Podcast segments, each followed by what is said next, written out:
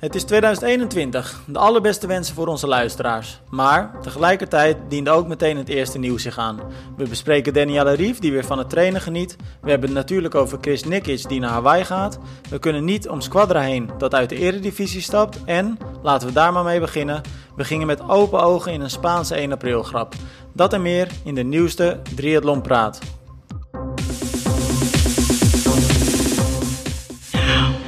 Ja, Romy, heb je je kleding nog aan of niet? Ja, nee, mijn badjas heb ik even uitgedaan voor jullie. Maar ik heb nog een shirtje eronder. God, wat een begin van 2021 weer. We willen net de podcast starten en jij zegt ineens... Ja, ik doe even mijn badjas uit. Ik woon, ik woon echt in mijn badjas. Een paar maanden geleden, toen vroeg onze bovenbuurvrouw... Ja, is dat eh, in Zuid-Afrika normaal dat je bijvoorbeeld... Is dat stijl daar, dat je dan altijd een badjas draagt? Toen zei ik, nee hoor, dat is gewoon iets wat ik doe. nou, goed, goed verhaal. Uh, Arjan, dan weten we in ieder geval wat we tegenover ons hebben zitten. Uh, maar zoals ik net in de intro zei, uh, laten we beginnen met iets anders. Uh, nou ja, dat, ik wilde eigenlijk zeggen gênants, want het is wel een beetje pijnlijk. Al zeg ik dat natuurlijk met een lach en met een knipoog. Maar ik herinner me nog heel goed vorig jaar, en met vorig jaar bedoel ik dan eigenlijk uh, 2019, dus, dus eigenlijk uh, nou ja, 12 maanden terug, zeg maar. Toen gingen we met open ogen ook in een, um, ja, een Spaanse 1 april grap. Het is eigenlijk een equivalent van, uh, van de 1 april in Nederland. Dat doen ze dus in, de, in Spanje op 28 december. En um, toen zeiden we nog tegen elkaar, dit moeten we echt even noteren, zodat we daar volgend jaar niet weer in trappen. En nou, je raadt het al, als je het nog niet hebt gezien op de website. We hadden een bericht dat Michael Phelps triathlon zou gaan doen. En hij was zich aan het voorbereiden op de Ironman in, uh, in Amerika. Um, maar dat was dus weer een 1 april grap, jongens. Ja, wat zijn wij stom. Gewoon, het is niet normaal. Ja, misschien moeten we er een traditie van maken dat we dit gewoon ieder jaar doen. En dan ieder jaar weer zeggen van ja, oh oeps, weer vergeten. Ja, maar je had, je had nu ook gewoon kunnen zeggen, Tim, van ja, maar we wisten het wel. Maar we dachten even de luisteraars, voor, of de luisteraars, de, de lezers voor de gek houden. ja, nee, maar het, het, is wel pijnlijk. Het was wel heel grappig. Want ik, het, het stomme was, ik kreeg het verhaal van, uh, van twee kanten toegestuurd. En toen dacht ik, wow, dit is wel echt heel vet. En... Uh, dus ja, ik had een beetje achtergrondinformatie erbij gezocht over wat hij allemaal bereikt had natuurlijk. En uh, nog een heel stuk geschreven over waarom hij nou eigenlijk lichamelijk in staat is tot de prestaties die hij geleverd heeft. En uh, nou, was een leuk stuk geworden. Maar dan kan het vervolgens de prullenbak in. Ja, maar het zijn, het, ook wel even... het zijn ook rare 1 april, zeg maar, het is toch anders dan 1 april, want het is heel realistisch, zeg maar. Wij doen met 1 april iets meer, zeg maar, speldachtige artikelen, dat je al wel echt denkt ja. van, dit kan toch bijna niet waar zijn. Maar dit is zo, zeg maar, het zou gewoon waar hebben kunnen zijn. Ja. Dus, maar dus eigenlijk, eigenlijk moet ik gewoon, oh, gewoon uh, 1 april uh, moet ik gewoon mijn comeback aankondigen of zo. nou, dan weten we dat het een grap is wel. Dat snap je meteen. Dan denk nou, dan wil ik jullie... Nou, en bedankt hè. Dan wil ik jullie wel even herinneren aan de afspraak die we eerder dit jaar, of eerder dus vorig jaar eigenlijk gemaakt hebben. Dat jullie dit jaar een triathlon gaan doen, jongens. Ja, maar ja, ben dus jij trouwens al klaar voor de hele, voor uh, aankomend weekend of niet? Oh ja. Nou, ik heb, ik heb een marathon in de benen natuurlijk hè. Ja, maar je, hebt, dus, je moet de hele ook nog doen uh, aankomend weekend. Ja, fietsen hè, alleen fietsen. Nee, nee, nee, we hebben een zwembad geregeld bij, uh, bij, op de parkeerplaats voor. Ja, maar ik moet heel eerlijk zeggen, ik zit een beetje te twijfelen of ik de volledige 180 kilometer mee ga fietsen. Waarom? Oh. Ah, het is een eind. en ik moet heel eerlijk zeggen, ik heb, na die marathon voel ik me nou ook niet helemaal top. Dus misschien maar een beetje verstandig doen en uh, gewoon een stukje aanhaken. Ja. ja, met een stukje minimaal 100 zeker wel. Maar in ieder geval even kijken hoe het gaat. Maar is, dat je, nieuw, is dat je nieuw goede doel of zo? Verstandig worden. Verstandig worden. ja. ja, nou ja, kijk, uh, ik wil natuurlijk. Uh, ik, ik sta ingeschreven voor rood dit jaar ook. Ja. Uh, dus, en ik heb nu een goede marathon gelopen. dus ik heb zoiets als ik naar deze lijn een beetje doortrek nog de komende zes maanden. Wie weet wat er dan in rood uh, kan gebeuren. Dus misschien iets slimmer trainen de komende tijd. Hé, hey, maar je mag wel even je tijd noemen hoor. Want ik bedoel, die mag wel even aandacht krijgen. Want het was wel oh, goed. zo bedoel ik het helemaal nee, niet. Nee, maar, maar, ik vind ik... dat je die even moet noemen. Want ik vind dat je hebt gewoon echt super goed gelopen. Uh, ja, nee, ik had, uh, wat was het? 3 uur 13, 24. 3, 13, 24. En ik hoopte 3 uur 18 te lopen eigenlijk. Mijn record was nog 3,29, echt van heel lang geleden. Ja. En ik had zoiets van, nou 3 uur 18, dat was het kantoorrecord bij ons. Dus dat uh, probeerde ik uh, eigenlijk aan te vallen. En uh, we gingen iets te hard van start, de eerste helft. Uh, dus toen dacht ik, nou ja, ik ben benieuwd. Ik kwam door op, ik geloof 3 uur 15, 30, als je hem doorrekende. En toen lukte het dus nog de tweede helft nog sneller te lopen zelfs. Dus dat was wel echt een, nou ja, een beetje een verrassing. En uh, nou, Dus ik was er zeker wel tevreden over. Maar, uh, en herstel ook eigenlijk goed. Ik had de week daarna ook alweer 40 kilometer gelopen. Zo. Inclusief een halve marathon nog rustig. Dus uh, Maar je hebt dus het nu- kantoorrecord, dat wist ik helemaal niet. ja, dat heb ik nu. Ah. Dat is wel mooi, hè? Maar je liep ook het- met... Hey, maar het kantoorrecord voor de, voor de hele, die moet hij nog zien te pakken van iemand, hè? Ja, ja, ja, dat is Jeffrey, denk ik, hè? Nee, nee, nee, nee, nee, nee, nee. Ja, met de, Ben nieuwe, met de nieuwe regels wel, ja. Dus er zijn Ja. nieuwe regels. Kijk, de regels die veranderen wel eens bij ons. Dus eh, de, nu tellen alleen de kantoren, of de records als je daadwerkelijk op het moment dat je de tijd hebt neergezet aan het werk was daar. Of, eh, Ja. werkzaam was bij ons bedrijf. Eh, voorheen was dat niet helemaal zo. Dus ehm, ik heb Maar jij was een minuutje sneller dan, hè, Arjan? of Ja, zoiets. twee minuten sneller inderdaad. En wat is jouw tijd? 10, 14, 30 of zoiets. Ja, oké. Maar dat, dat, dat zie ik wel als gewoon als het kantoorrecord dan. Maar van wie is die Maar dan? Van Jeffrey? Of heb jij... Nee, Arjan van Arjan dus. Maar officieel Ja. Jeffrey. Nou ja, kijk, wat Arjan zegt. Eigenlijk moeten de tijden dus gelopen worden op het moment dat je ook echt werkt eh, eh, eh, nou ja, voor een van de, van de organisaties.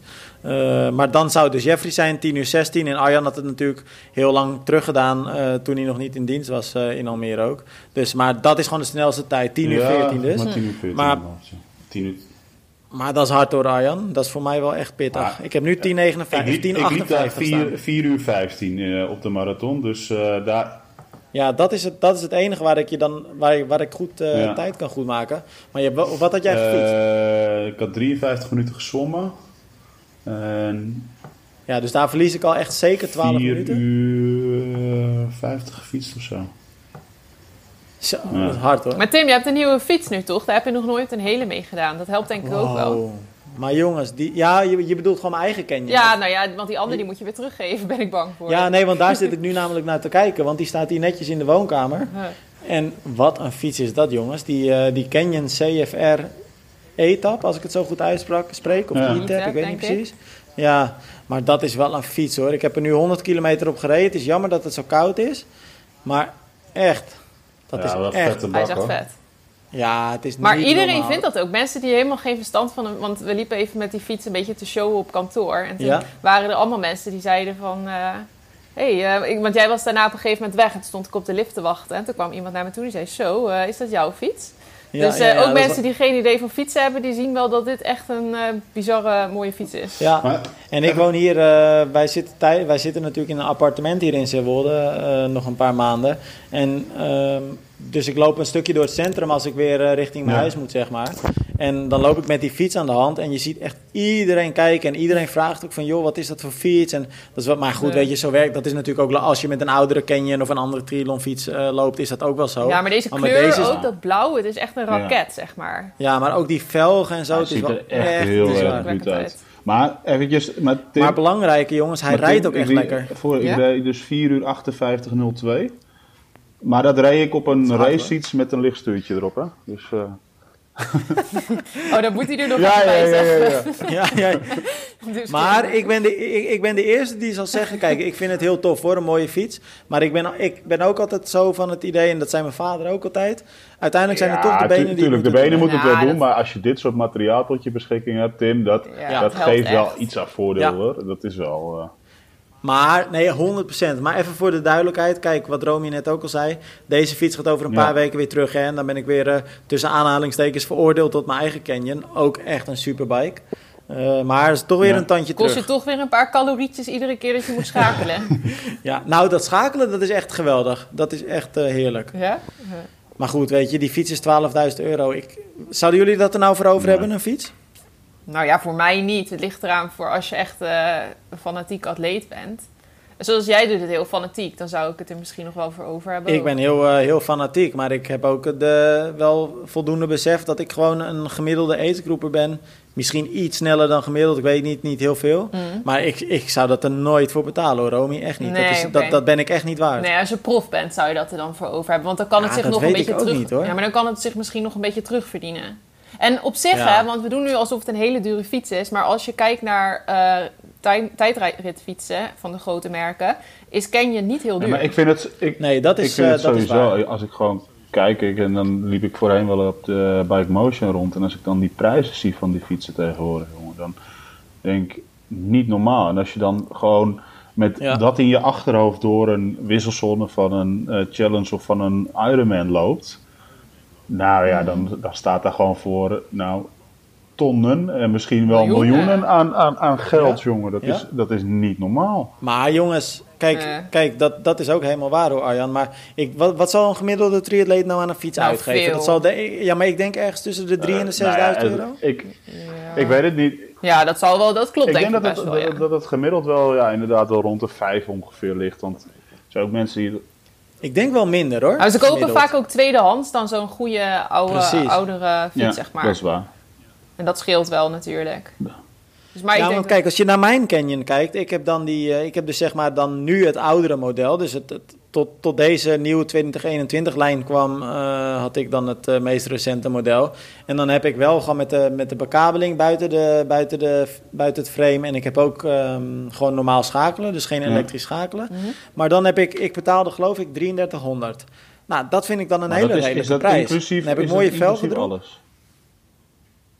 Ja, alleen, eh, ik geloof dat ik alleen nog Nou, pedalen Oké, maar er zitten wel wielen bij, maar er zitten wel dat- wielen bij en er zit wel een groep bij. Ja, ja, En dat is niet mooie hoge velgen, mooie, mooie goede groep zit erop, Ultegra, of, of nog eentje hoger zelfs. Oh, dat vind ik dan echt wel meevallen, dat moet ik eh, eerlijk zeggen. Ja, dat valt me ook Nee, mee. dat zou, ja, ik weet niet. Ja. Maar ik, ik verbaas me sowieso gewoon altijd over als ik bij zo'n Ironman of bij een challenge door een eh, wisselzone loop, jongen. Dat ik gewoon ook bij agegroepers, maar Ja. ook als ik aan het speakeren ben. Ik, ik heb natuurlijk bijvoorbeeld wel, zijn wij ook al, je bent ook al eens geweest, Tim, in Samorin. Eh, en dan zie je mensen Mhm. echt op een halve met, eh, bij wijze van spreken, eh, vier uur van de fiets afkomen. En dan denk je, Ja. hè? En Dan dan rijden ze op dat, soort fietsen fietsen. van, Ja, dan- van 15.000 euro. Maar en dan zie je ze lopen in de dagen voor de wedstrijd. Want dat heb ik als, met, als, we dan met, E- als ik met Evert naar een wedstrijd ga, dan ga ik een beetje concurrentie analyseren. En ondertussen weet ik redelijk wie wie is en zo. Dus, maar in het begin wist ik dat niet. En dan ging ik altijd, gaf ik hem zo'n elleboog en dan zei ik zo, kijk, die daar, die ziet er echt uit alsof dat die heel goed is. En dan Ja. was het meestal gewoon ook een acegroeper of zo. Maar iedereen ziet er gewoon indrukwekkend uit. Want iedereen heeft perfect alle spullen. Het is gewoon allemaal op orde en zo. Je kunt echt Maar niet dat heeft, echt, dat heeft dus echt effect op mij, hè, Romy. Dat zeg ik heel eerlijk. Soms, precies wat jij nu zegt, dan sta ik wel eens bij een wedstrijd en dan kijk ik om me heen. En dan denk ik, oké, dan moet ik het daar tegen opnemen. Die zien er echt, echt goed uit. Ja. En dan word je toch een beetje gestrest. En dan vervolgens kom ik meestal wat later uit het water, omdat ik natuurlijk geen goede zwemmer ben. Mhm. Maar dan rijden ze allemaal voorbij op die dure fietsen van ze. Hè?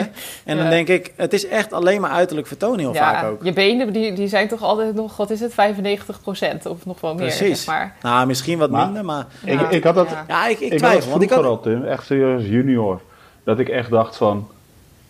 En dan had ik ook echt niet verkeerde fietsen, hoor. Begrijp me niet verkeerd. Want eh, ik had ook echt wel mooie fietsen. Maar dan zag ik echt andere junioren. En dan was je nog net begonnen. Ja. Dan kende je nog niet iedereen. Op een gegeven moment ken je wel iedereen. Weet je wel een beetje waar iedereen staat. Maar dan zag je echt jongens binnenkomen. Mhm. En dan dacht je... Wow, die rijdt op zo'n fiets. Wow, die is goed. Ja, precies. En dan kwamen winnen? ze bij het zwemmen al vijf minuten achterstand uit het water, bij wijze van spreken. Ja, maar dat gebeurde ook, weet je. En dat is, dus dat, maar dat zie je zowel dat zie je bij de juniors, zie je bij agegroepen, dat zie je overal gewoon. Maar het, het blijft Ja. bizar gewoon wat voor fietsen je ziet. En dat vind ik... Ja. Maar je ziet het ook Ja, niet nee. alleen met de fietsen, vind ik. Want het lijkt ook altijd alsof bijna iedere atleet gesponsord wordt. Want zij, iedereen heeft altijd van die jasjes en dingetjes aan... dat het allemaal net lijkt alsof ze gewoon spullen hebben gekregen. Terwijl vaak is er dan ook gewoon voor betaald natuurlijk. Ja. Het lijkt ook echt... Nou, maar dat is, dat is echt met heel veel dingen. Kijk, dat heb je nu ook met die eh, hardloopschoenen en met die carbonzolen. Kijk, ik loop nu, ehm, daar komt deze week ook een review van eh, op die eh, Hoka Carbon X. Hm? En ik heb die eh, Vaporflies al een keer gelopen. Maar dan luisterde ik laatst een podcast over eh, de Pacer. De, die hebben we een paar keer eh, al genoemd ook. En een van die, die mannen daarvan heeft een eh, Run Today winkel, geloof ik. Of een andere hardloopwinkel. Ik dacht een Run Today. Mhm. Maar dan vertelt hij dus hoe vaak, men, hoe vaak daar dus mensen komen. En dan zegt hij het zelf als ja, de wat toch wel dikkere 60-jarige lopers. Ja, ja, hij ja, zegt het heel respectvol, Ja, ja, ja. hoor, begrijp me niet verkeerd. Maar dan, en, en die komen dan die winkel in en dan zeggen ze tegen hem... ja, ik wil die Vaporflies. En dan zegt hij, ja, maar hoezo wil je dan een Vaporfly? Ja, ik heb op tv gezien of ik heb op de, in, de, in het nieuws gelezen... dat dat de beste, de snelste schoen is. Maar hij zegt... Ja, maar is het dan wel verstandig voor je? Want eigenlijk betaalt die schoen zich pas uit als je, nou ja, 4 minuten 30 per kilometer loopt of harder. Hm. Eh, dus het heeft niet zo heel veel zin. En toch, zegt hij, willen die mensen dan allemaal die schoen hebben. En dan tegen al het advies in, kopen ze dat, die schoen. Maar, dat, Ja, maar zo, zo werkt werkt het gewoon ook een als, beetje. als bij wijze van spreken, als mensen Jan Frodeno zien winnen, ze zijn super fan van Jan Frodeno en die rijdt op, Ja. een, op, zo, op die canyon die, die jij nu in de woonkamer hebt staan. Uh, ja, dan gaan ze toch ook extra kijken naar die canyon of ze die kunnen aanschaffen. Zo, ja. ja dat, zo werkt het ook gewoon. Het heeft ook gewoon een soort. Ja. Daarom sponsoren die merken ook dat soort atleten, omdat het gewoon een, een, een uithangbord voor hunzelf is. Ja, we lopen ook altijd heel veel atleten, ace lopen ook vaak bij die pro's even een rondje nadat ze dan hun fiets hebben weggezet. Gaan ze even kijken hoe het er allemaal precies aan, uitziet en zo. Nou ja, en als je het kan missen, dan kan je het missen toch, jongens? En dan, ik bedoel, als, als het het je waard is, nou ja, dan ja, zeker doen, toch? Ja, maar het is wel, oh, als je zo'n fiets dan in de prak rijdt, dat lijkt me erg. Nou, daar ben ik dus serieus ook een beetje bang voor. Want ik rijd dan nu een paar weken op die fiets. En uh, ik heb er nu, ik geloof, 120 kilometer op gereden, zoiets. En het is natuurlijk koud, het is regenachtig, het is glad. Dus het is ook niet de meest lekkere maand om dat te doen. Maar ik dacht wel een paar keer, ja, ik zou toch maar onderuit gaan met deze fiets. Het gaat toch even door je hoofd, dat snap ik wel. Dat zou ik ook hebben. Of dat die gestolen wordt of zo, weet je wel. Ja, je durft er bijna niet op de fiets op die fiets. Nee.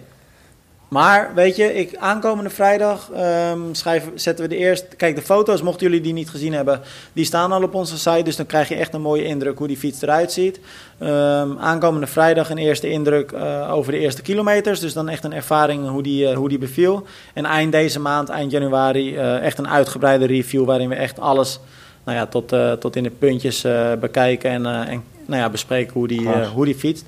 Dus daar gaan we op, gaan we op terugkomen. Um, Laten we eventjes het nieuws uh, gaan, uh, gaan doornemen, jongens. Het meest opvallende nieuws vond ik misschien nog wel Danielle Rief. Uh, die eh, eigenlijk een beetje een inzage gaf in hoe ze het coronajaar heeft beleefd. Ehm, en ze heeft, zoals ze het dan zelf noemt, pure training heeft ze weer ontdekt. En ze is er weer van gaan genieten.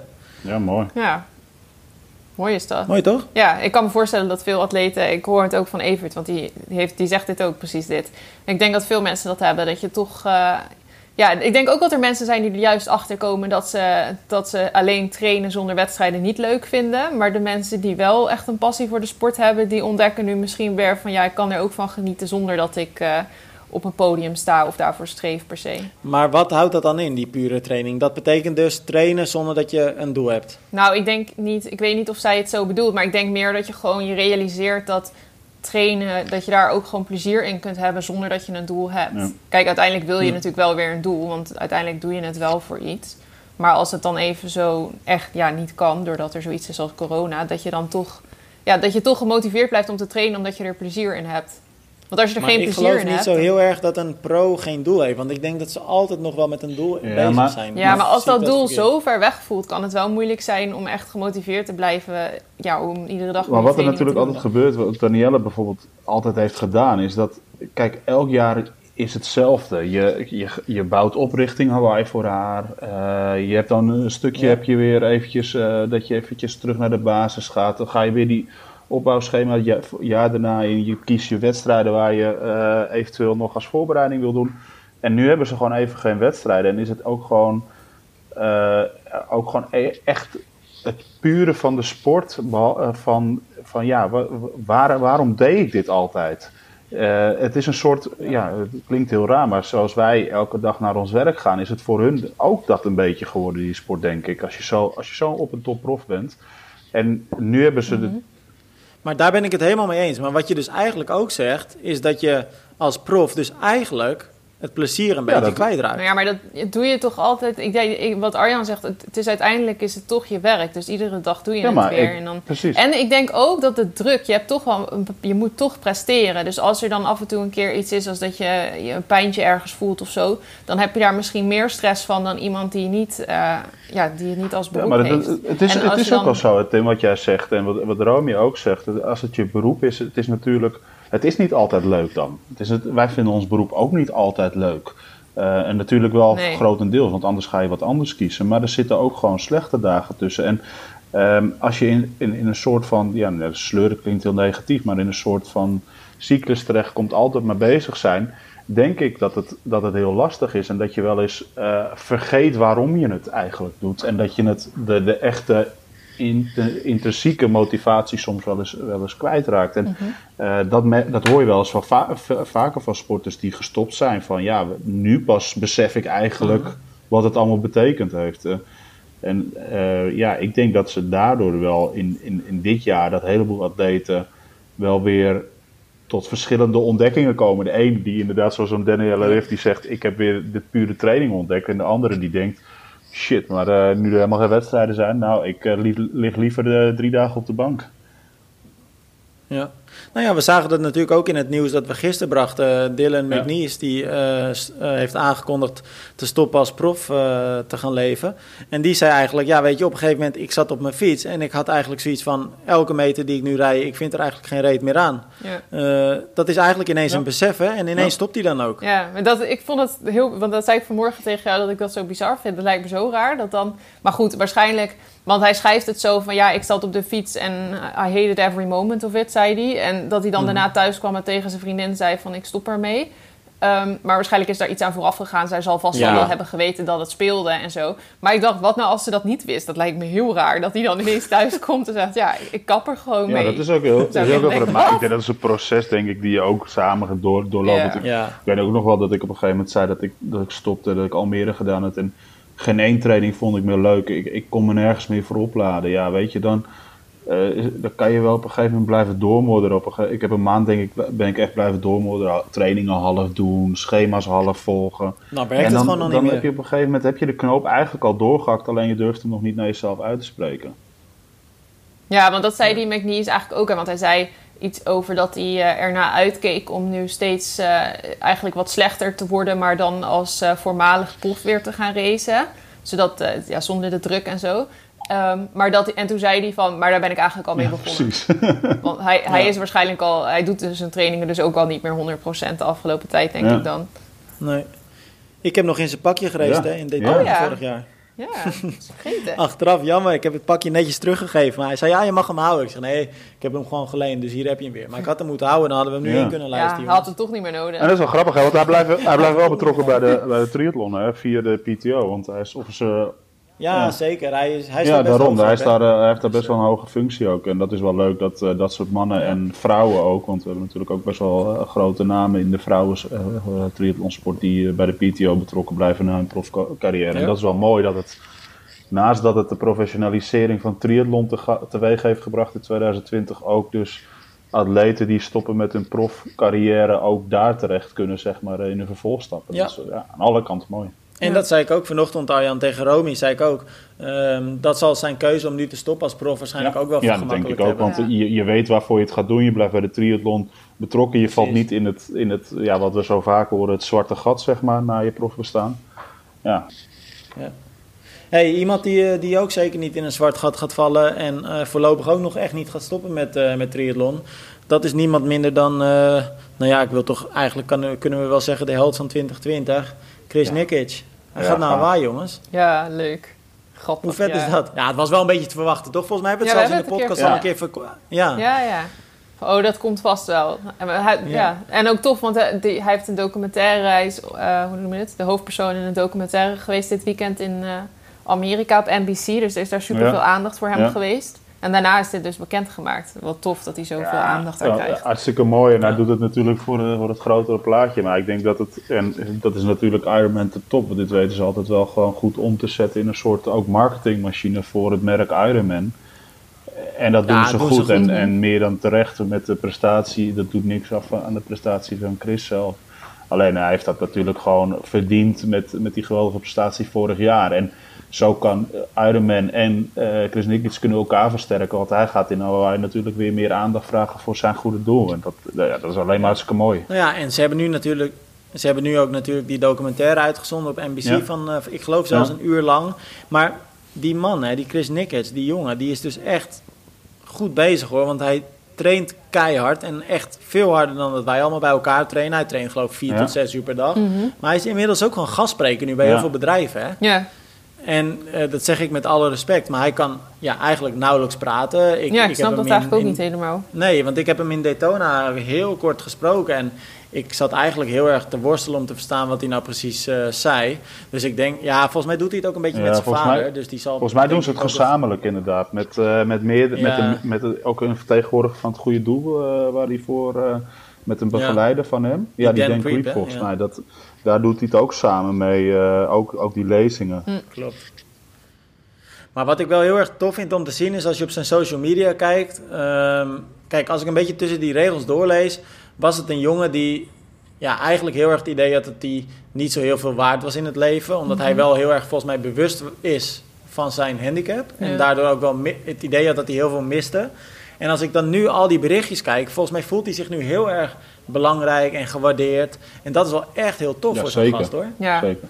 Ja, en dat is heftig. Want er zijn dus inderdaad wel gewoon ook veel mensen met syndroom van Down... die wel heel erg dat besef hebben dat ze dus syndroom van Down hebben... en die dat heel erg Ja. vinden. Ik, Ja, ik, ik, wist dat vroeger eigenlijk niet dat dat, zo, dat, dat dat besef er zou zijn. Maar ik heb wel zo'n programma ook gezien op televisie... Mhm. dat ze echt zeggen van... eh, dat ze het ontkennen zelfs. Dat ze zeggen, nee, ik heb dat niet en ik- of, of ik wil dat niet Ja. hebben. Dat is echt wel heel zielig natuurlijk. Dat is heel heftig. Maar mooi Maar dat- wel mooi, heel mooi om te zien dat de triathlon dan dit voor hem eh, eigenlijk... Ja, hij doet het helemaal zelf, maar dat de triathlonsport hem daar eigenlijk een soort van...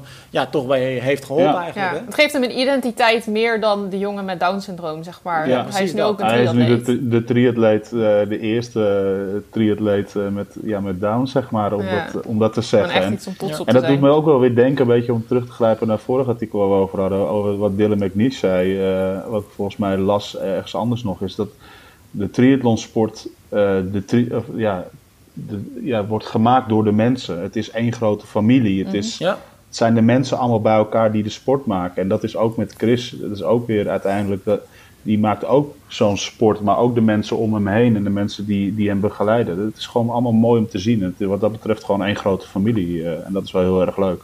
ja, Ja, ja, tof. Hey, waar het eh, minder eh, leuk is, en dan sla ik het bruggetje maar gewoon, ehm, is op dit moment bij eh, Squadra, Squadra Ja. uit Eindhoven. Ehm, ja, ik vond het best opvallend nieuws. Het, was, het kwam vorige week binnen, net voor het oudjaar, of voor het nieuwjaar moet ik zeggen. Ehm, want ja, het, weet je, Squadra, dat is natuurlijk binnen de Eredivisie teamcompetities de ploeg waar eigenlijk de afgelopen jaren iedereen naar keek. Ze wonnen drie keer op rij.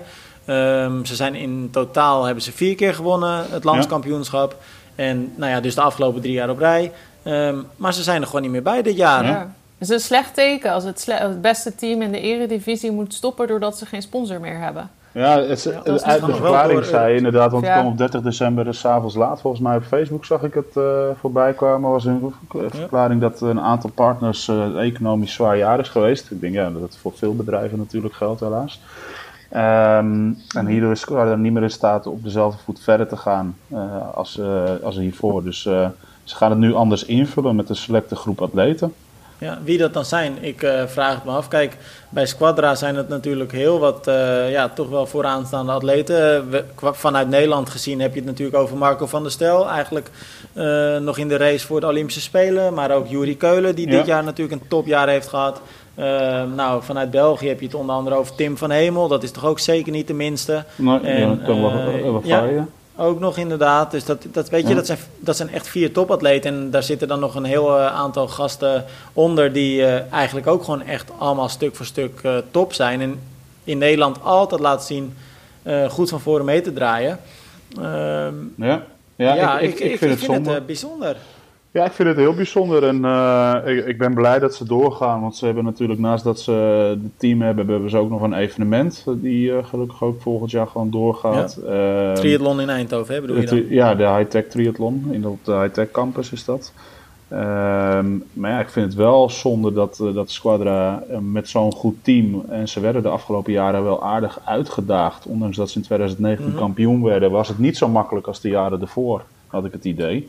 Uit dus- mijn hoofd gesproken werd het zelfs op de laatste dag pas beslist toen. Ja, precies. Dat dacht ik ook. En eh, de jaren daarvoor was het wel minder spannend. Eh, dus ik ben wel benieuwd, want we wisten inmiddels al dat ehm, eh, Donald Hillebrecht, die had zich bijvoorbeeld aangesloten bij TC Twente uit mijn hoofd. zou Ja. die dit jaar voor uitkomen. Dus de- die hadden ook weer een sterk blok, TC Twente. Nou, nu valt er wel een sterk blok weg. En dan is het de vraag, gaan de eh, jongens zoals Juri Keulen, waar gaat hij naartoe? Gaat hij eh, naar een ander team toe? Eh, dus er komen wat eh, atleten vrij op de transfermarkt. Ja, wat gaat het inderdaad veranderen? Want het was inderdaad Ja. natuurlijk TC Twente kwam vaak eh, gevaarlijk uit de hoek. Maar je had, je had natuurlijk Visma. zeker ook eh Rogeri Trimates. Eh, Vis- Visma, eh, hoe heet het? Visma. Eh, Tri- Trican Visma. ja. En dan had je nog... er eh, zullen wel een paar teams soms in springen. ehm, hoe heet het? Die, eh, die paarse ploeg, hoe heet ze? Oceanus. Oceanus, ja, die Oce- natuurlijk net Men- een beetje Men- eronder zat, maar de laatste jaren wel weer echt de weg omhoog vond. Zeker met Menno Koolhaas in de gelederen. Precies, die, Koolhaas erbij. ja, ja. Nou ja, dus... we gaan het zien. Maar het, het, is opvallend nieuws. Wat ik ook opvallend vind, is dat ze nog niet echt... Want ze hebben dan gezegd, we gaan wel Europees door. Dus uh, individueel de atleten die uh, Europees racen of op mondiaal niveau. Maar ze hebben niet gezegd welke atleten dat dan nog uh, zijn. Dus dat, daar ben ik ook wel benieuwd naar. Nee, ik zat een beetje de website te kijken net voor de podcast. Maar ja, daar zit het een en ander... Daar staat nog helemaal niks op. dus, nee. nee daar, dus ik ben ook wel benieuwd. Wij zaten net al een beetje het voor te zeggen. Ik denk inderdaad zo'n bijvoorbeeld de Marco van der Stel, Tim van Hemel. Uh, Tim van Hemel, denk ik, een van de kanshebbers om wereldkampioen cross triathlon te worden in Almere dit jaar. Uh, dat, dat, dat dat de mannen zijn, denk ik, uh, waar ze wel op gaan bouwen, denk ik, aankomend jaar. Maar, ja, dat is ja maar dan vraag je ook af, maar er zijn natuurlijk ook gasten die misschien wel in die Eredivisie willen blijven racen, gewoon als ervaring ook nog. Ja, dus, ja dat, dat is dan ook een lastige spagaat waar ze in komen te zitten. Ja, dat weet ik. Kijk, ik weet het niet. Ik weet dat. Uh, kijk, Marco kan ik me voorstellen dat hij misschien wel aankomend jaar zegt: Ik sla een jaartje Eredivisie over. Om, uh, om me echt helemaal te richten op te spelen. En die, die, heeft natuurlijk een internationaal programma met de teamrelay af te werken. Dus ik denk ook niet dat hij heel veel uh, lucht heeft om, om, de, om de Eredivisie te gaan doen als voorbereiding op te spelen. Alles bevroren tot maart trouwens, hè? dat hebben we ook nog gebracht een tijdje terug. Ja, ja dus. Maar ook alle, ja, ja, ik ben benieuwd. Het is eigenlijk pakken we het gewoon, stel voor dat het in maart weer los kan gaan. Dan is het eigenlijk gewoon een heel jaar niks geweest. Want, uh, want het is ook bevroren vanaf maart 2020. Dus dan is het een heel jaar uh, niks geweest. En dat is wel heel bizar. Voor lang. Wat denken jullie? Gaat die Olympische Spelen nou komen dit jaar of niet? Ja, ik denk het eigenlijk niet. Ik kan me niet voorstellen. Ik luister ja, ja. Ik wil gewoon positief beginnen en ik... Uh, ondanks dat me af en toe mijn gedachten wat anders zeggen, dan hoop ik, uh, ga ik ervan uit dat die gaat komen. Maar um, ik denk niet in de vorm zoals we die de afgelopen jaren Nee, ze denken heel veel toch zonder publiek. Om... Zonder publiek. En ik denk dat het ook nog wel eens kan zijn, en dat zou wel de charme weghalen van echte Olympische Spelen, dat, je, ehm, dat het niet eens allemaal in Japan is. Dat sommige sporten in hele andere landen zijn, omdat je dan niet alle reisbewegingen richting één land krijgt. Zo. Misschien op die manier inderdaad, maar het lijkt me niet echt gunstig nu met dat, uh, met hoe noemen ze het, de Britse coronamutatie, zeg maar, die er is en zo. De, gaat, het gaat op het moment niet echt super goed of zo. Dus dan zou, heb ik me niet het gevoel dat het nou over een paar maanden dat zoiets groots dan kan plaatsvinden. Nou, ik las echt net voordat we deze podcast gingen opnemen, en we nemen hem altijd op op dinsdag, kreeg ik een uh, pop-upje van NOS dat het, besmet, of de, het percentage besmettingen nog nooit zo hoog is geweest. Dus dat het eigenlijk helemaal niet de goede kant op gaat. Wereldwijd, of? Nee, in, uh, in Nederland. In Nederland, oké. Okay.